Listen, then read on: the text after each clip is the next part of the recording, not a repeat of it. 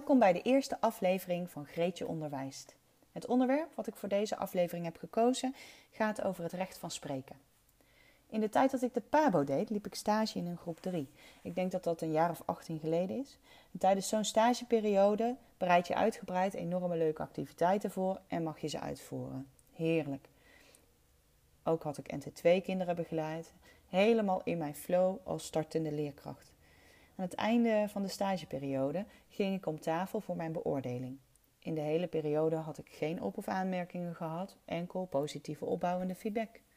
Tot het moment suprême, de beoordeling. Volgens mijn mentor van de stageschool was ik te enthousiast, moest ik me inleren houden tegenover collega's, want die konden niet zulke leuke lessen voorbereiden vanwege tijdgebrek en dus ook die lessen niet geven. Die collega's hadden daar last van en hadden dit met hem gedeeld. En hierdoor besloot hij mij een lage beoordeling te geven. En daar kon ik het mee doen. Ik was werkelijk uit het veld geslagen. Ik was het ook niet eens met zijn mening, maar moest het ermee doen. Er was verder geen ruimte voor gesprek. En ik wist ook werkelijk niet wat ik moest zeggen of denken. Later ben ik hierover in gesprek gegaan met mijn stagebegeleider van de PABO. En nadat zij met mijn mentor had gesproken, corrigeerde ze de beoordeling naar een zeer goed. Zij vertelde mij dat dit het grootste compliment is dat iemand kan geven, alleen was de manier waarop niet charmant. En nu terugkijkend haakte deze gebeurtenis volledig aan op mijn recht van spreken.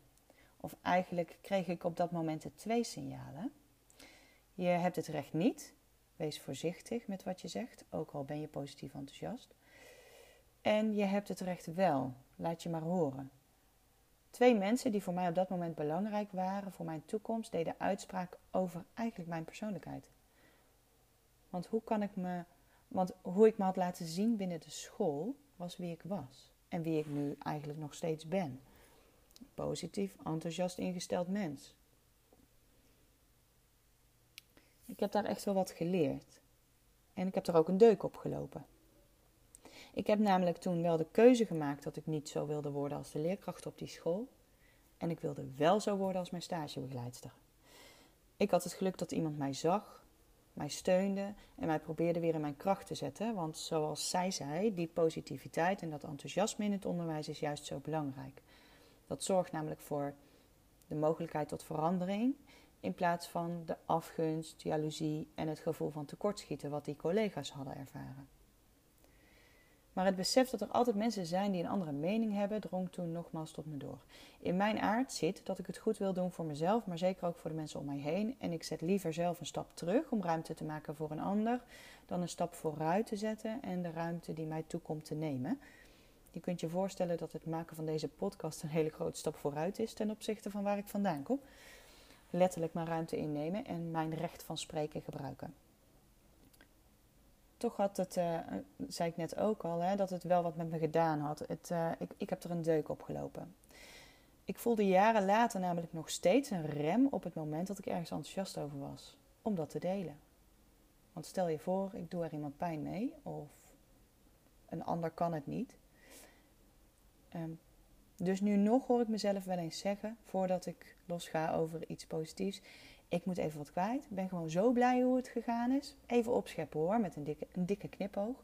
Vind je dat goed? Dus ik vraag toestemming om blij te zijn. En zeg dan daarna, ja, ik ben gewoon trots op mezelf. En dan vertel ik uiteindelijk wat ik kwijt wil. Bijzonder is hoe dat, dat dan gaat. En dit gaat dan nu toevallig over een rem op positiviteit uiten en een rem op je recht van spreken voelen. Maar de inspiratie die ik je mee wil geven voor vandaag. In ieders leven gebeuren dit soort ogenschijnlijke kleine dingen met een grote impact. Zonder dat je misschien precies weet waar zoiets ontstaat of ontstaan is. Maar als je bereid bent om hier naar te kijken, naar te zoeken, dan kun je bewust opnieuw kiezen. En dat is ook wat ik gedaan heb. Ik kies er nu voor om mijn recht van spreken ten volste te gaan gebruiken. Als ik voel dat het klopt. En dit is wat altijd spannend blijft. Maar iedereen heeft het recht van spreken, ook jij. En er zullen altijd mensen zijn die daar anders over denken. Dus speak your heart out, want je kan echt werkelijk alles zeggen als je vanuit een liefdevol hart praat. En om aan te sluiten bij mijn verhaal heb ik een vraag uitgekozen die mij regelmatig gesteld wordt. Namelijk, hoe krijg je van een groep kinderen de aandacht? Hoe krijg jij, Greetje, de groep stil? En het grappige is dat ik niet heel veel hoef te doen om de aandacht te vangen van alle kinderen in een groep. Het is een mengeling van uitstraling, geduld, overtuiging en oordeelloosheid. En vooral bij jezelf blijven. Ik ga staan voor de groep. Ik focus me niet op de groep, maar ik focus me op mezelf. Ik ga werkelijk even met mijn aandacht naar mijn hart en maak contact met de grond, terwijl ik ondertussen rustig de klas rondkijk. En het wordt vanzelf stil.